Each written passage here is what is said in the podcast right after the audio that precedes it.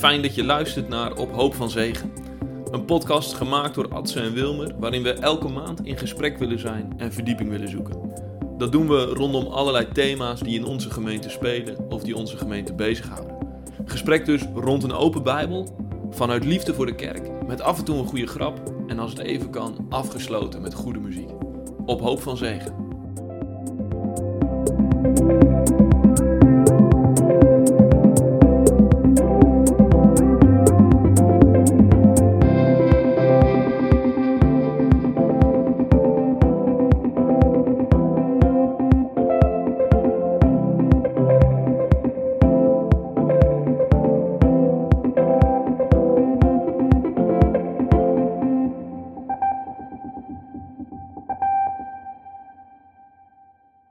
Welkom uh, in de podcast, zeg ik tegen degene die luisteren, maar zeg ik ook tegen degene die tegenover me zit, uh, Jaap Meijer. Ja, we hebben een gast in ons midden, voor het eerst een gast. Precies, ja. je bent, uh, hoe noem je dat, de primeur heb je. Ja. Als eerste gast in de podcast, van harte welkom. Ja, voor mij ook primeur. eerste keer. Ja. E eerste keer dat je überhaupt in een podcast zit. Ja. ja, ja. Op je werk nooit je aangeboden als podcastgast? En... Nee, alleen technische ondersteuning. Ja, ja, Nou, hier gaat het echt om, uh, om jou en om je inhoud.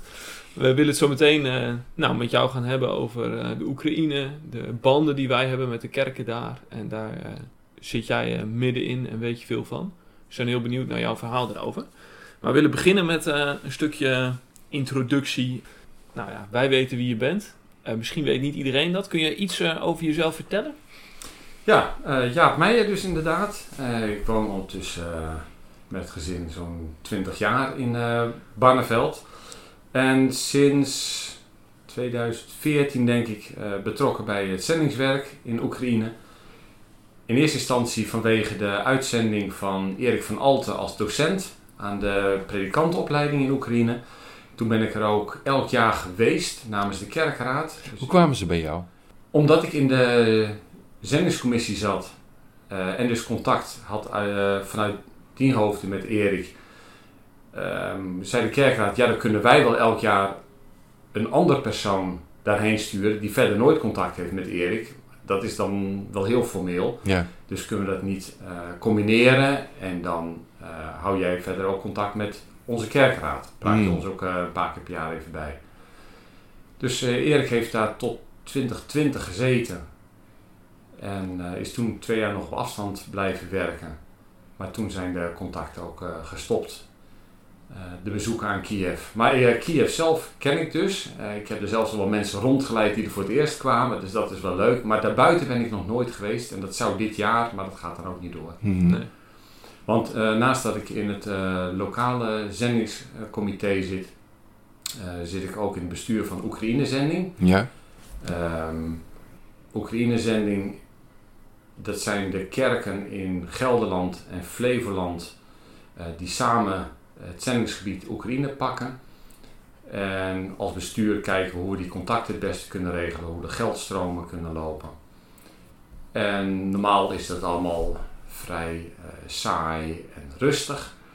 Uh, zijn er af en toe bezoeken, maar het is heel erg op de achtergrond. En nu is het ineens uh, heel actief natuurlijk met dagelijks contact van uh, berichten daar vandaan, geld aanvragen. Ook heel veel donaties die binnenkrijgen uh, van Amerika, Italië, Zuid-Afrika, Australië, Nederland, overal vandaan. Dus dat is heel mooi. En die weten dus jullie als, kunnen we, die weten ons te vinden. Dan je, als als Oekraïne-zending weten ze vanuit het buitenland ja. de Oekraïne-zending te vinden. Ja, ja. soms Zo, via bijzonder. persoonlijke, persoonlijke linkjes, via kerkverbanden. Soms krijgen we ook geld, duizenden euro's, dat we zeggen, geen idee. Ja. Staat er alleen een naam bij. Maar we kunnen dus heel royaal kunnen we de mensen die daar vragen hebben in de Oekraïne, uh, ja, geld geven. En we hebben ook de predikanten. Er zijn daar in totaal zeven kerken en drie kerkplantingen. Uh, die predikanten die er zijn, hebben we ook gekoppeld aan bestuursleden, zodat we elke week contact houden met die predikanten van hoe gaat het, uh, wat is de status. Dus die predikanten hebben al door iemand uit Nederland die met hem meeleeft, aan wie zij Ja. hun verhaal kunnen vertellen, wat ze tegenkomen, wat ze. Ja. Ja, correct. Oh, mooi. Mooi, gaan we zo over door. Ja. Eerst nog een uh, vraag voor jou uh, als persoon. Um, Met welk christelijk feest heb je het meest? En waarom? Poeh, ik ben niet zo van de feestdagen direct. Ik denk dat ik weet welke kant je op wil. Ik, ik, ik denk dat ik zelf ook zou zeggen kerst. En dat zal deels ook met sfeer te maken hebben. Want zelf, eigenlijk heb ik het meest met Goede Vrijdag. En ik erger me er ook wel vaak aan dat welke kerk je ook zit, Goede Vrijdag krijg je niet eens vrij. Ja. Pasen wel, eh, je krijgt een extra een tweede paasdag. Goede Vrijdag moet je gewoon werken. Ik denk, terwijl toen is het gebeurd. Ja. Ja, en de, eh, de Oekraïners, die, voor hen is Pasen ook de hoofd, eh, het hoofdfeest. Ja, ja, ja, ja. Ja, ik weet niet of dat de, de insteek van je vraag was. Nou ja, het is meer een vraag waarvan we denken, die gaan we gewoon dus aan alle... Mensen stellen Alle gasten die we- zijn. ja, gewoon, ja, eh, ja. Maar het is wel interessant, want, want waarom is Pasen voor de Oekraïners dan... eh, steekt dat er bovenuit, zeg maar? Meer dan Goede Vrijdag? Heb ik dat goed gehoord? Mm, Dat, dat weet ik niet. Eh, Dat wordt toch, een- ja, je pakt dat gauw samen. ja, ja, het is één weekend. Ja. Ja. Het is meer denk ik afgezet eh Pasen versus kerst Ja. Pasen Mhm. versus eh. Goede Vrijdag. Ja. Eh, je, hebt, je hebt daar ook die Oosterse traditie. Hè? In Griekenland is dat ook. Hè? In Griekenland dan beg- begroeten ze elkaar met de Heer is opgestaan. En dan is het antwoord de Heer is waarlijk opgestaan. En volgens mij gebeurt dat in Oekraïne, Rusland ook. Hè? Die, in die, in die Ja, in de, orthodoxe in de kerk. kerk, Jos die ging, eh, ging voor. eh, Jos Colijn is dat, die Ja. daar eh, Ja, Jos- gewerkt heeft. Jos Colijn is, is predikant daar geweest. ehm, heeft daar gewerkt. En die ging nou voor in Apeldoorn afgelopen zondag. Eh, in een kerkdienst voor Oekraïners. En hij begon met Christos was kres. Oh, ja. En de hele gemeente zegt dan Voistinu was kres. En dan zegt hij nog een keer harder. En nog een keer nog harder. Nou, en dan kan de dienst beginnen. Oké, Oh. ja. Ja, dus dat is hetzelfde als in Griekenland. En, eh, mooi. Ja, ja. Ja.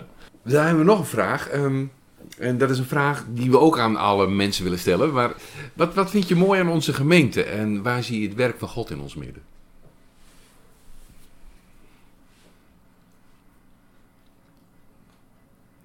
Deze lange stilte knippen we eruit. Ja. Ja. Ja, ik vond altijd de betrokkenheid van iedereen eh, vond ik heel mooi. Alleen dat is natuurlijk de afgelopen twee jaar zo door elkaar geschud. Eh, we zien het in, in onze eigen kring. Eh, je ziet het met de, de kerkdiensten. Je ziet het met de verenigingen. Alles ja, is redelijk ingestort en moet, moet weer vorm krijgen. Ja, en als ik dan toch iets positiefs moet noemen, dan vind ik dat, eh, en niet om te slijmen omdat ik nou toevallig zelf in de podcast zit, maar vind ik die podcast van, eh, van man-vrouw, dat je in de tijd dat je niet fatsoenlijk met elkaar kunt vergaderen, en je ook niet zoveel uren over man-vrouw wil vergaderen, eh, maar dat je zegt, oké, we gaan gewoon een, een interactief verhaal op internet doen. Eh, kunnen mensen op hun eigen tijd luisteren. Heel duidelijk de, netjes de voor- en de nadelen. En niet van, nou kijk, we zitten heel erg, hangen we naar die of die kant. Maar dat je gewoon de gemeente betrekt van, nou, zo zou je erover eh, helpen met meningsvorming. Dat vond ik echt dus een uh, super goede actie. Ja, dankjewel. Ja. ja mooi. Mooi, ja. Dat knippen we er ook uit. Ja. Hey, zoals je al vertelde, je bent dus eh, eh, volop actief voor de Oekraïne-zending. Zowel vanuit onze gemeente als in het bestuur. Kun je iets vertellen hoe het, hoe het op dit moment is met de kerken in de Oekraïne waar wij banden mee hebben? Ja, hij zegt Ja. de Oekraïne, Ja. dat mag niet, hè? Ja, nee. Kijk, de zeg je altijd de Ardennen, de Karpaten, de Vogezen. Dat Ja. zijn streken. Dus Rusland ziet het waarschijnlijk wel als de Oekraïne. Hè? Dat, dat is het gebied daar eh, net buiten onze eh, nieuwe grens. Maar het is gewoon Oekraïne, het is een land. Ja, dus ik dit- ben dit ook is- al in, geïndoctrineerd door Poetin, begrijp ik. Ja, In dat ik- kleine ik, weet woordje niet waar de. het vandaan, maar Nee. iedereen zegt dat inderdaad. Maar het is Wonderlijk, Gewoon, het is ja. gewoon Oekraïne. Gewoon Oekraïne. de Frankrijk. Ja, wel de Nederlanden. Als het meervoud is. Ja, oké. Ehm, ja, de kerken die zijn daar natuurlijk ook helemaal door elkaar geschud. De, ehm, even voor een beeld, als je de kaart van Oekraïne hebt, heb je redelijk in het midden heb je Kiev. Dan heb je helemaal in het oosten heb je het grofste geweld bij eh, de Donbass. Daar zitten, van, eh, zitten geen kerken waar wij contact mee hebben, geen gereformeerde kerk, wel presbyteriaans. Oh ja, want ik zag bij Kharkiv heb je ook een... eh, Ja, er, zit- zitten er wel zeker kerken. En dan heb je helemaal het zuiden, wat nou onder Russisch ja, beleg ligt. Daar zitten twee kerken die dus nou heel zwaar hebben, waar ook een groot deel gevlucht is en waar je ook haast niet meer kan vluchten. En dan heb je links, richting Hongarije, Polen, daar zitten de meeste kerken waar we contact mee hebben. Liv. Lviv niet eens. Nee, Lviv nee, niet? nee. Eh, maar je hebt uh, Ruda, Svaljava, daar zitten echt een aantal kerken. Uh, Lviv zitten volgens mij ook de Presbyterianen. Daar Oh, ja. is wel heel veel contact mee. Ja? Ook samen de predikantenopleiding. Ja. En de mensen die in die gemeente zitten, die blijven er vaak ook nog wel zitten. In ieder geval de mannen blijven daar ook vaak ja, uit eigen beweging ook wel zitten. En die zijn heel actief met het opvangen van de mensen die op de vlucht zijn. Dus die blijven daar een weekend hangen om even geestelijk en lichamelijk bij te tanken voordat ze dan naar het grote enge buitenland gaan. Ze zien ook in de zon op de zondagen dat de kerken daar weer vol zitten. Want ja, we weten allemaal noodlid bidden, maar ja, dat is ook echt zo. En ze Mhm. willen graag dan een gesprek hebben met de mensen eh, van de kerk, ook al zijn ze van een andere denominatie. Nou, daar krijg- worden heel veel. Ik kreeg van Swaljava weer een, eh, een foto. Hadden ze 300 voedselpakketten hadden ze samengesteld en daar uitgedeeld. Daar gaat dus ook veel geld heen. Ze hebben ineens koelkasten, toiletten nodig, eh, stapelbedden om, om ruimtes in te richten om mensen op te vangen. Ja, die gemeente is helemaal, of al die gemeentes die liggen uit elkaar. Een deel zit in Nederland. In Nederland zitten denk ik ondertussen richting de 100 mensen wel uit de zusterkerken. Ja. Bij, rond Almere, Wezep, eh, Zwolle, Ede, Veenendaal, Wageningen. Maar ja, allemaal zonder de, zonder de vader, zonder broers. Ja. Eh, Want die zitten in het leger. En ja, en de vaders, een enkele, die, eh, ook een van de predikanten, die, die komt hier nog een paar keer heen. Want je mag het land nog uit als jij drie kinderen onder de 18 hebt. Nou, die predikant heeft binnenkort dan eentje, nog maar twee onder de 18, dus die hoopt binnenkort nog te komen. Maar daarna mag het land niet meer uit. Nee. En voor, voor jonge lui, voor jongens geldt het uiteraard ook, omdat je ja, kan worden opgeroepen. En de kerk in Kiev, daar zijn ook niet veel gemeenteleden meer, een deel wel. En de kerk wordt daar als schuilkelder gebruikt. Want even terug, wij hadden contact met verschillende kerken, met verschillende kerkplantingen, vertel je net. En we hadden daar, eh, we ondersteunden daar ook een seminarie in Kiev. Ja. En daar gaf Erik van Alten, eh, ja, die wij dan onder onze hoede hadden genomen, of, Ja, eh, die, die gaf daar les. Ja. Kun je daar nog wat meer over vertellen? ja dat seminarie, daar zitten enkele tientallen ehm, studenten normaal gesproken uit het hele Russische taalgebied. Dus ook uit Wit-Rusland eh, en, en de andere Rustalige landen. Daarom wordt er vaak in het Russisch lesgegeven. En voor de meesten is het ook helemaal niet spannend. Vandaag de dag is het uiteraard wel spannender, want het is ineens de taal van de vijand geworden. Maar een heleboel mensen in, in bepaalde gebieden, zoals die Donbass, die spreken van huis uit gewoon Russisch. Dus voor hen is het ook Ja. weer niet de taal van de vijand. Nou, dat seminarie, daar eh, werd zowel online lesgegeven de afgelopen jaren, maar daarvoor gewoon fysiek. Dus de mensen kwamen echt uit ehm, alle streken van Oekraïne en moesten misschien wel duizend kilometer reizen. En Wit-Rusland. En die bleef daar dan eh, een paar weken en dan gingen ze weer terug. En dan kregen ze een hele serie eh, colleges. En daarna moesten ze gewoon thuiswerken en eh, via internet kon een heleboel natuurlijk. Nou, dat is helemaal gestopt nou. Het seminarie ligt er nou ook verlaten bij. Ehm, in Wit-Rusland proberen ze het nou zelf op eigen kracht op te pakken. Want ja, de Wit-Russen zijn natuurlijk eh, volledig ongewenst nou in Oekraïne. Ja. Dus die pakken het zelf op. En komende weken hoopt het seminarie in Kiev het ook weer op te pakken. En online colleges te gaan geven voor de studenten die ja, of nog in het land zijn of daarbuiten zijn Die- geraakt. dus die zeggen van oorlog of niet, het is belangrijk dat Ja. dit doorgaat. Ze hebben een paar maanden nou, ja bijna twee maanden nou afgewacht. Maar nou eh, willen ze toch weer een deel terug naar Kiev om daar weer ehm, ja, echt colleges te gaan geven. Ze willen niet de predikantenopleiding eh, dood laten bloeden. Zo. Ja. En, en de studenten worden die niet opgeroepen om in dienst te gaan? Ja, er zijn ook wel studenten die in het leger zitten. Ja. En dat kan natuurlijk nog steeds gebeuren. Op dit moment is het zo dat er eh, te veel mensen zijn die in het leger willen. Dus ze hebben nou gewoon er even een stop op. Hè. Toen in het begin was het van als je wapen kunt hanteren, eh, wees welkom. Maar op een gegeven moment was het van ja, wacht maar even.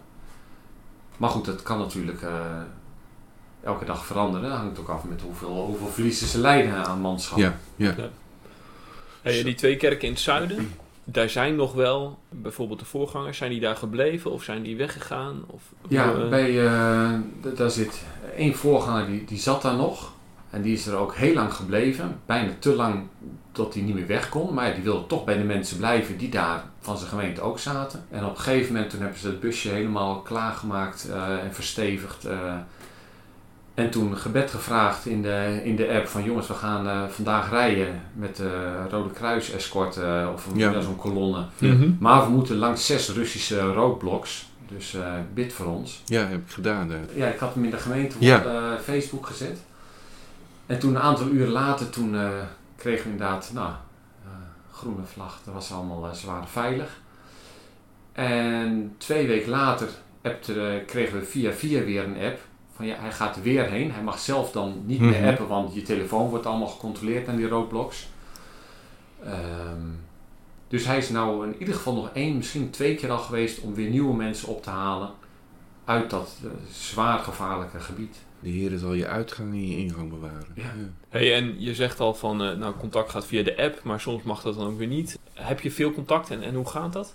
Ja, eh, ik zit in één appgroep van eh, degene die ook de scepter zwaait over het seminarie. Die nou in Lviv zit en straks weer gaat oppakken. Die heeft zelf weer contact met een aantal predikanten en die post daar veel berichten. En sommige ehm, die gaan dan via Telegram en dan gaat het via via, gaat via een paar hupjes. eh, gaat het dan naar een bestuursapp. Die hupjes die zijn ervoor om anoniem te blijven? Of, eh? Ja, of dat ze wel redelijk ehm, zonder risico met een mede-Oekraïner kunnen appen. Die in een Mhm. veilig gebied zit en die het vervolgens weer in een andere app doorzet. Maar je, kijk, als zij zien, hij zit in een, in een appgroep met allemaal Westelingen. Ja, dan heb je een probleem bij zo'n roodblok. Ja. Ook toen hij nog eh, in het zuiden verbleef, in Tafriske. Dan die krijg je ook gewoon huiszoekingen en kun je op straat ook worden aange- aangehouden. En nou, je wordt helemaal, helemaal gescreend. Ja. Want kun je ook wat vertellen over die partnerships? Eh, dat is misschien ook wel eh, interessant. Ja, want we zijn inderdaad in een nieuwe fase. Eerst zat Cor Harifan, die heeft daar meer dan 15 jaar gezeten. En Erik van Alter, die heeft van 6 jaar gezeten. Die zaten als ja, missionarissen zaten die in, in Kiev met verschillende petten op. De een die deed meer het, het lesgeven, en de ander het ondersteunen van de lokale kerken en kerkplantingen. Dat is langzamerhand overgedragen aan de locals. En toen zijn zij weer teruggegaan. Toen hebben we een overgangstijd gehad dat ze af en toe nog invlogen en verder eh, op, via de mail en de videocalls Ja. contact konden houden. En toen moesten we als bestuur ook kijken, wat gaan wij nou doen? Ja, je had dus niet meer die Nederlanders die af en toe hier toch al een verhaaltje konden doen. En Dus je toen- wil die Oekraïnse kerken niet laten vallen? en die wil je niet laten vallen. Die Ja. moeten duidelijk kunnen maken van waar zijn we mee bezig. Eh, en toen is het idee ontstaan van oké, we hebben daar eh, zeven kerken. We hebben hier een veelvoud van zeven. Kunnen we een aantal Nederlandse kerken gaan koppelen aan elke Oekraïense kerk. Daar zijn nou de eerste contacten inderdaad gelegd. En het idee is dat dan niet alleen de Nederlanders daar een keer heen gaan. Mhm. Eh, Van nou leuk en eh, een keertje samen eten en dan gaan we weer terug. Maar dat, je, dat het echt wederzijds is. Dat ook niet alleen op vrijwillige basis wat gemeenteleden die een leuke werkvakantie, eh, zoals je ook naar Afrika kan, daarheen gaan. Maar dat ook op kerkraadsniveau eh, predikanten en andere ambtsdragers daarheen gaan en daar een aantal dagen zijn. Daar eh, gesprek hebben met een of meer eh, gemeentes en gemeenteleden van hoe doen jullie dat en dat je van elkaar leert. En dat Ja. zij ook omgekeerd dus bij ons komen van, om daar eens mee te draaien. Die wederkerigheid meer. de wederkerigheid, ja. En dat geldt dan voor de predikanten, maar we hebben ook contact bijvoorbeeld met verslavingskliniek, eh, Drive Away. Eh, nou, die is ook al eens in Nederland geweest. Nou, dan neem je ze mee naar De Hoop bijvoorbeeld. Ja. En ja, die kunnen ook van elkaar leren. Ja. Eh, het zijn dezelfde problemen die ze hebben met, met alcohol en drugs. En de kerken, ja, die hebben ook waarschijnlijk overlappende problemen, en, maar ook elk hun eigen dingen. En het idee is dat, je dan de, dat er ook gewone gemeenteleden over en weer meegaan om contacten te leggen. En nu zie je dus dat die gemeenten, hè, bij Ede bijvoorbeeld, was er al heel veel contact. Die kwamen al bij elkaar over de vloer. Ja, die zijn dus ook die kant op gereden Ja. naar de um, Poolse grens. En toen de mensen daar niet konden komen, zijn ze notabene Oekraïne ingereden. Van, nou, dan kom je wel echt ophalen. En die zijn een paar keer met een paar bussen erheen geweest om mensen op te halen. Gewoon tot in Oekraïne. Tot in Oekraïne. En nou is dat kunnen wij makkelijk zeggen, was dat het veilige deel van de Oekraïne. Maar ja, in Oekraïne is natuurlijk nou niks veilig. Dus dan zie je dat dat, dat uh, nu al zijn vruchten afwerpt. Dat je elkaar al kent, want dan gaat het toch net wat makkelijker. Ik hoorde ook van andere gemeenten uh, dat, uh, dat er al linkjes zijn, dat er ook geld wordt overgemaakt. En dat kan dus gelukkig ook nog bij alle verwoesting die er is, eh, het bankwezen draait nog. Dus als wij een eh, gemeente die vraagt om 2000 euro, kunnen we dat overmaken. En dan moeten ze dat misschien bij 200 euro per dag ophalen. Maar ze kunnen daar wel het geld nog krijgen. Zelfs dus helemaal in het zuiden kunnen we het geld nog ja. ja. Is het ook een verlangen van jou van dat, dat onze gemeente ook een partnergemeente daar zoekt? Ja, ik denk dat dat heel mooi zou zijn. En vanuit Barneveld is volgens mij het idee dat we aanhaken bij een van de grote gemeenten. Hè? Want wat we zeiden, we hebben zeven gemeenten daar. Ja. Er zijn zeven gemeenten hier gevraagd om dat op te pakken. En dan aan elke grote of kerngemeente zijn dan andere gemeenten gekoppeld. Van als jullie erheen gaan, kijk uh, ook naar de gemeente om je heen of je het samen kan oppakken. En ja, ook qua predikanten, er zullen niet altijd el, elk jaar elke predikant uh, van die gemeente zal kunnen en willen. Het is ook mooi voor het draagvlak natuurlijk, dat er elke keer iemand anders gaat. Ja. En ja, Kijk, je hoeft geen Oekraïens te spreken. Je moet zorgen dat er of iemand meegaat die Oekraïens spreekt, of dat daar uh, toch wel mensen zijn die bij worden gelust die Engels spreken. Spreek jij Oekraïens? Slaven Oekraïne? nee, vol, volstrekt niet. Nee, nee, okay. Hey, wat ik wel, wat je natuurlijk heel erg ziet rondom deze oorlog, veel breder dan kerkelijk, is dat, dat het heel dichtbij komt voor ons. Hè? Kun je er iets over vertellen over qua geloofsbeleving en voelt dat ook heel erg zoals, zoals wij dat ervaren? Voel je daar veel verbondenheid? Ja, je maakt er natuurlijk maar een heel klein stukje van mee. Mhm. Maar nee, ik denk niet dat ze daar, ik denk dat ze daar redelijk vergelijkbaar mee omgaan. Toen ik in die, kerk, met, in die kerkdiensten was, die jaren, is het ook behoorlijk vergelijkbaar met hoe het bij ons toe gaat. En natuurlijk, het zijn natuurlijk veel jongere kerken dan bij ons, maar het is zeer herkenbaar. Ehm, en voor de Oekraïners, de, die niet gereformeerd zijn, is het ook heel bijzonder. Want ik vind het prachtig om in die grote kathedralen rond te lopen, die Oekraïense orthodoxe kerken. Mhm. Ja, dat is nu allemaal pracht en praal. Goud. En alles goud wat er blinkt.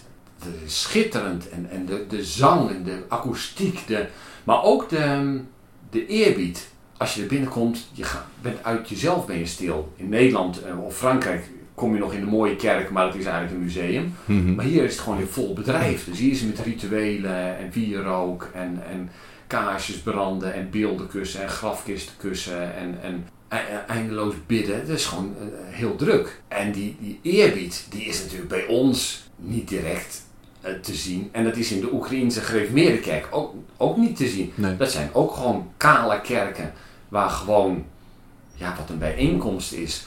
Dus ik kan me voorstellen dat als je gewone Oekraïner bent, doorsnee Oekraïner, en je komt in zo'n christelijke kerk, dat het wel heel bijzonder is. Dus de boodschap moet doen. Ja. Ja, ja. En aan de andere kant kunnen wij ook wel leren van die, van die eerbied die, die in zo'n echte kerk, in zo'n echte ja, grootse ja, die eerbied die ook uh, gewoon op je lichaam valt. Hè? Dat je binnenkomt, je wordt overdonderd. En natuurlijk kunnen we dat allemaal afkraken dat het alleen maar buitenkant mm -hmm. is en, en dat het een volksgeloof is enzovoort. Maar daar zit zeker ook iets, iets moois en groots aan. Ja. ja. Hey, want als je nu uh, proeft, hè, we beleiden dat God zorgt en dat Hij naar ons omziet en ons draagt. Uh, hoe ervaren de mensen in Oekraïne nu de nabijheid van God? Of, uh, ja, of dat, is het vooral dat de wanhoop? Nee, dat lees je overal.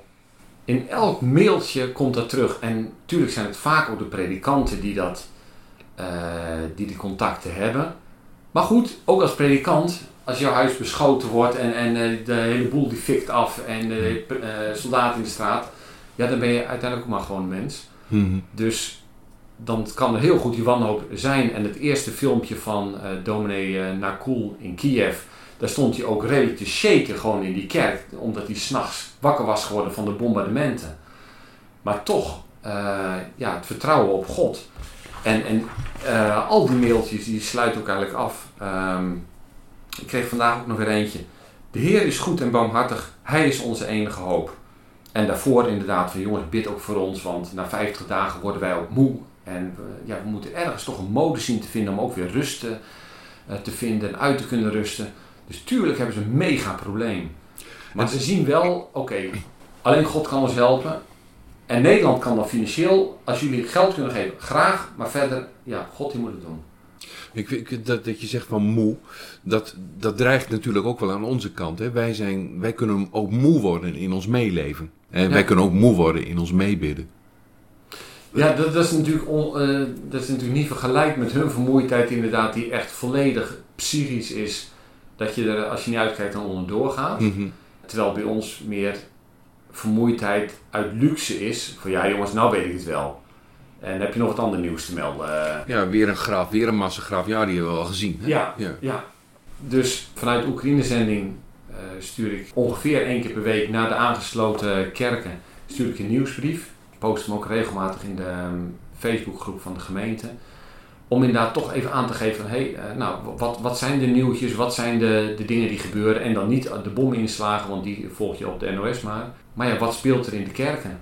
Ja, uiteindelijk is het ook gewoon onze plicht, denk ik, of je het nou er er zat van wordt en moe van wordt, is het ook gewoon je plicht om ervoor te bidden. En dat mogen we dan wel leren, inderdaad. Dat nu komt het dichtbij en nou willen we er wel voor bidden, maar het is niet de enige oorlog in de wereld natuurlijk.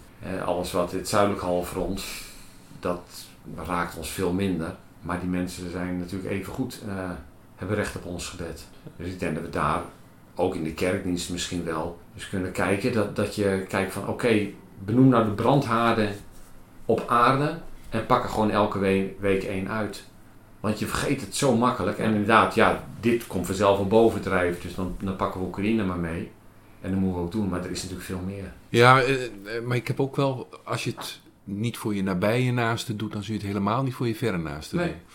En dus ik, ik vind het ook niet zo verkeerd dat, dat Nederland en de, de Nederlandse kerken nu zo eh, geraakt zijn door wat er in Oekraïne gebeurt. Omdat het in een wereld gebeurt, nou dat zijn echt je directe buren Ja. naast. Er zitten maar een paar landen tussen. Ik ben in de voorjaarsvakantie naar Oostenrijk geweest. Dan weet je van, het is maar een heel klein stukje om even door te rijden en dan ben je al in Oekraïne. Ja. En als je dat al vergeet, hè, nou ja, Ja. dan, dan zul je zeker eh, Somalië vergeten Ja. waar een hongersnood drijft. Ja, hè, het is gewoon heel dichtbij. Het is twee uurtjes vliegen volgens Ja. mij. is eh, niet de moeite waard. Oké, hey, dat gaat over het geloof en de betrokkenheid eh, van God, eh, zoals de Oekraïners dat ervaren. Doet het ook iets met jou? En jouw beeld van de wereld, beeld van God, maakt het je onrustiger? Ja, ja, zeker doet het dat met je. Ja. Ik, ik, de, eerste, nou, de eerste week in ieder geval ben je gewoon echt van slag. Denk, wat gebeurt hier? Dan komen we in, een- in een eh, derde wereldoorlog Ja. terecht. En, en vervolgens denk je dan ook, ja, wat zijn we eigenlijk... We hebben zo, zijn zo gewend aan ons aangeharkte Europa van... Ja, de he- hele wereld is in brand. en Dat, zijn we ook gewend. En af en toe geven we wat geld aan 5 en 5. Maar wij hebben het gewoon met elkaar gewoon netjes voor elkaar hier. En als we een probleem hebben, dan kunnen we het afkopen. En dan weet je wel, je moet je, geld, niet- je vertrouwen niet op geld stellen. Maar het is toch handig als je het hebt. En we lossen heel veel problemen mee op. En nu zie je van, wat je altijd wel wist natuurlijk. Maar van uiteindelijk heb je geen enkele invloed op je leven. Want er hoeft maar één dwaas te zijn die een bepaald idee heeft. En die kan de hele wereld opschudden. Inclusief Nederland. Nou, het, het was ook een beetje common sense. Hè? Je had de gedachte van, nou als we zorgen voor eh, goede banden met Rusland, als we economisch totaal verweven zijn, dan zijn de belangen eigenlijk veel te groot om een oorlog te starten.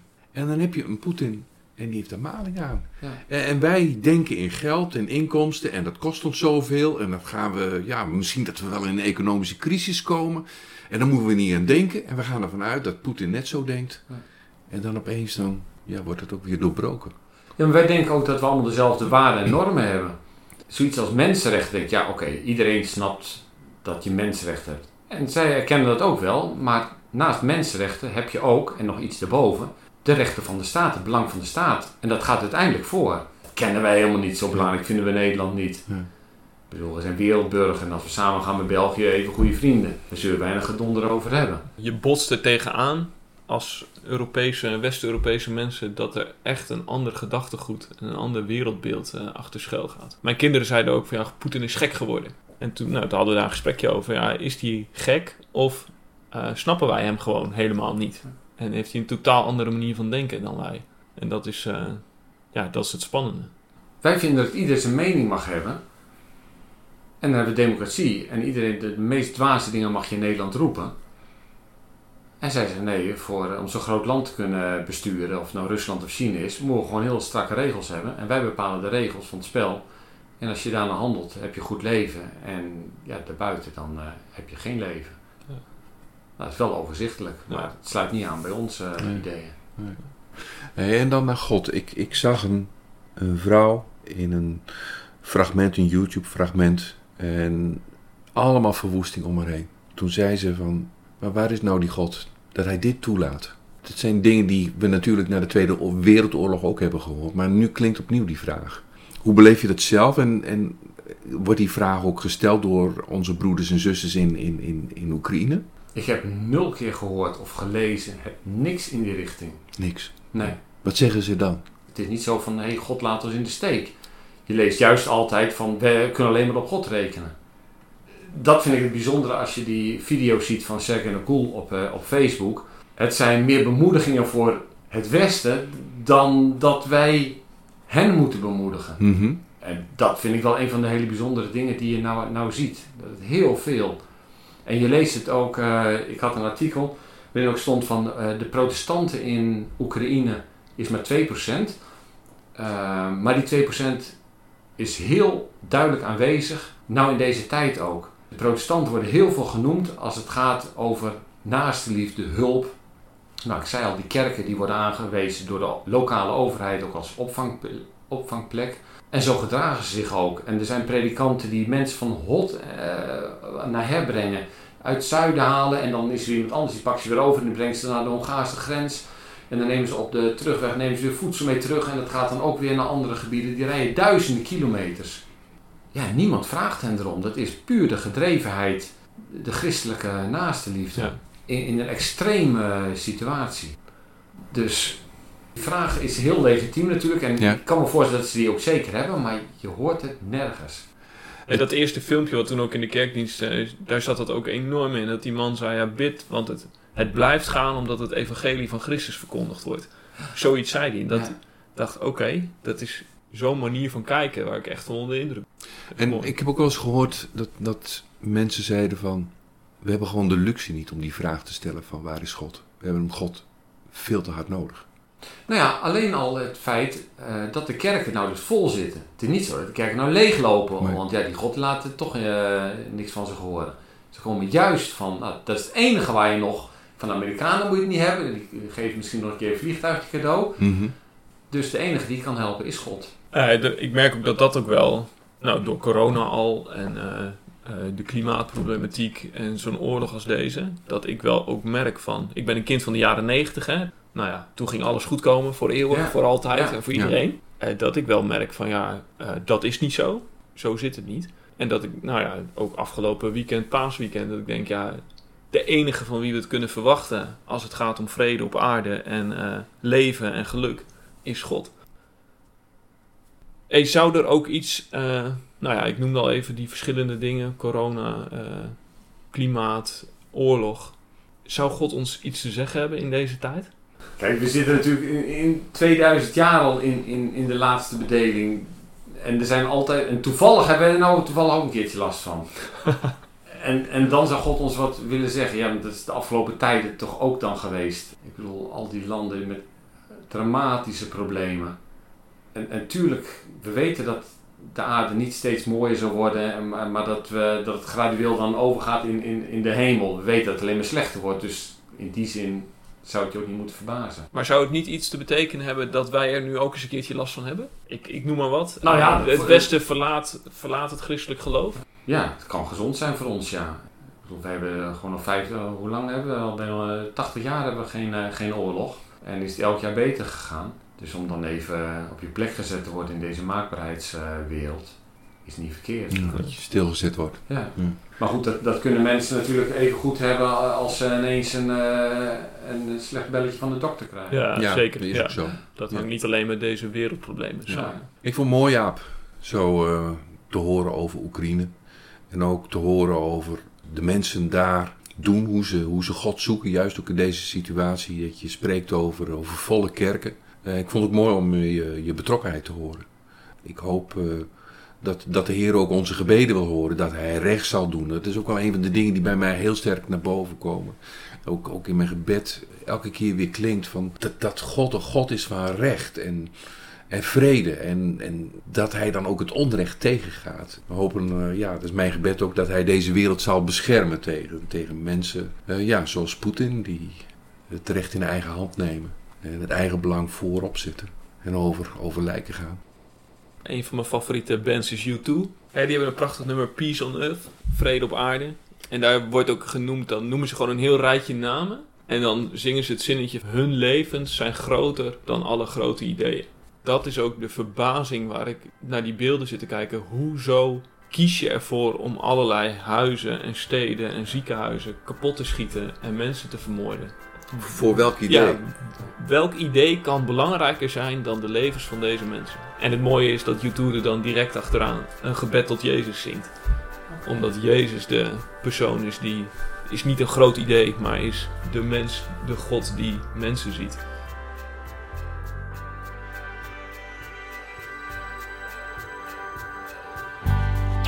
Heaven on earth,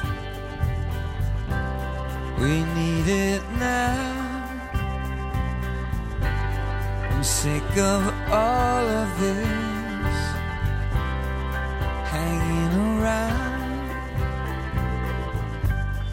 sick of sorrow,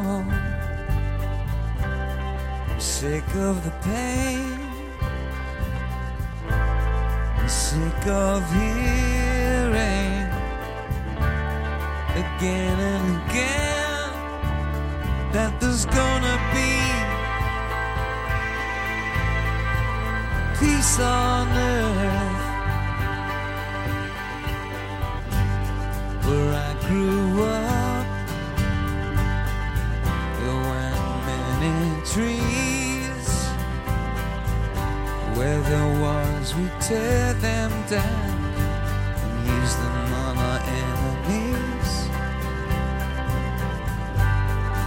say that what you mock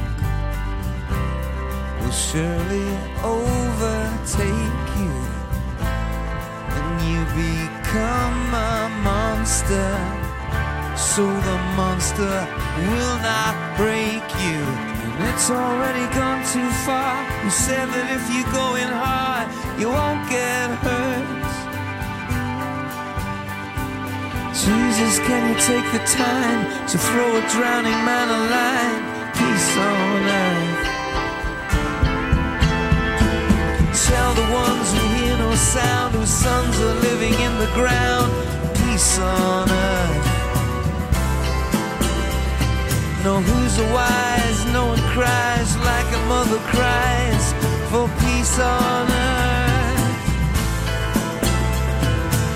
Never got to say goodbye to see the color in his eyes. Now he's in the dirt.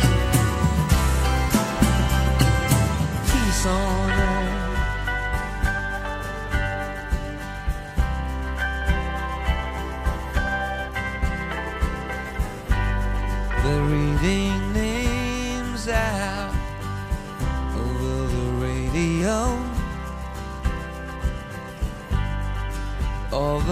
folks the rest of us won't get to know.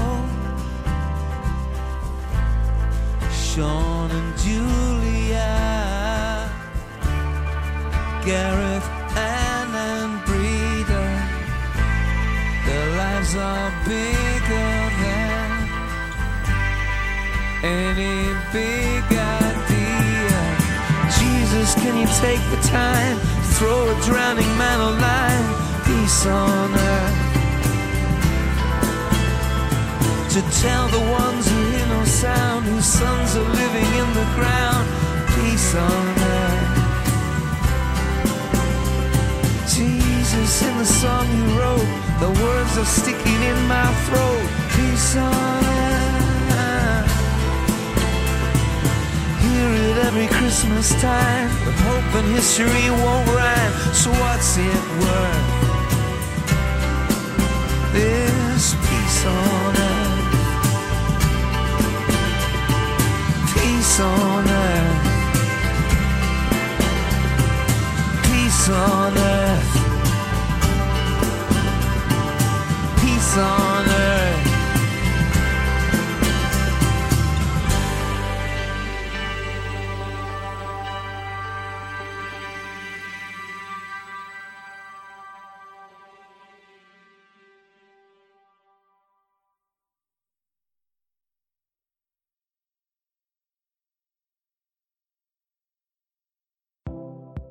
Wil je reageren op wat je gehoord hebt of misschien een vraag stellen?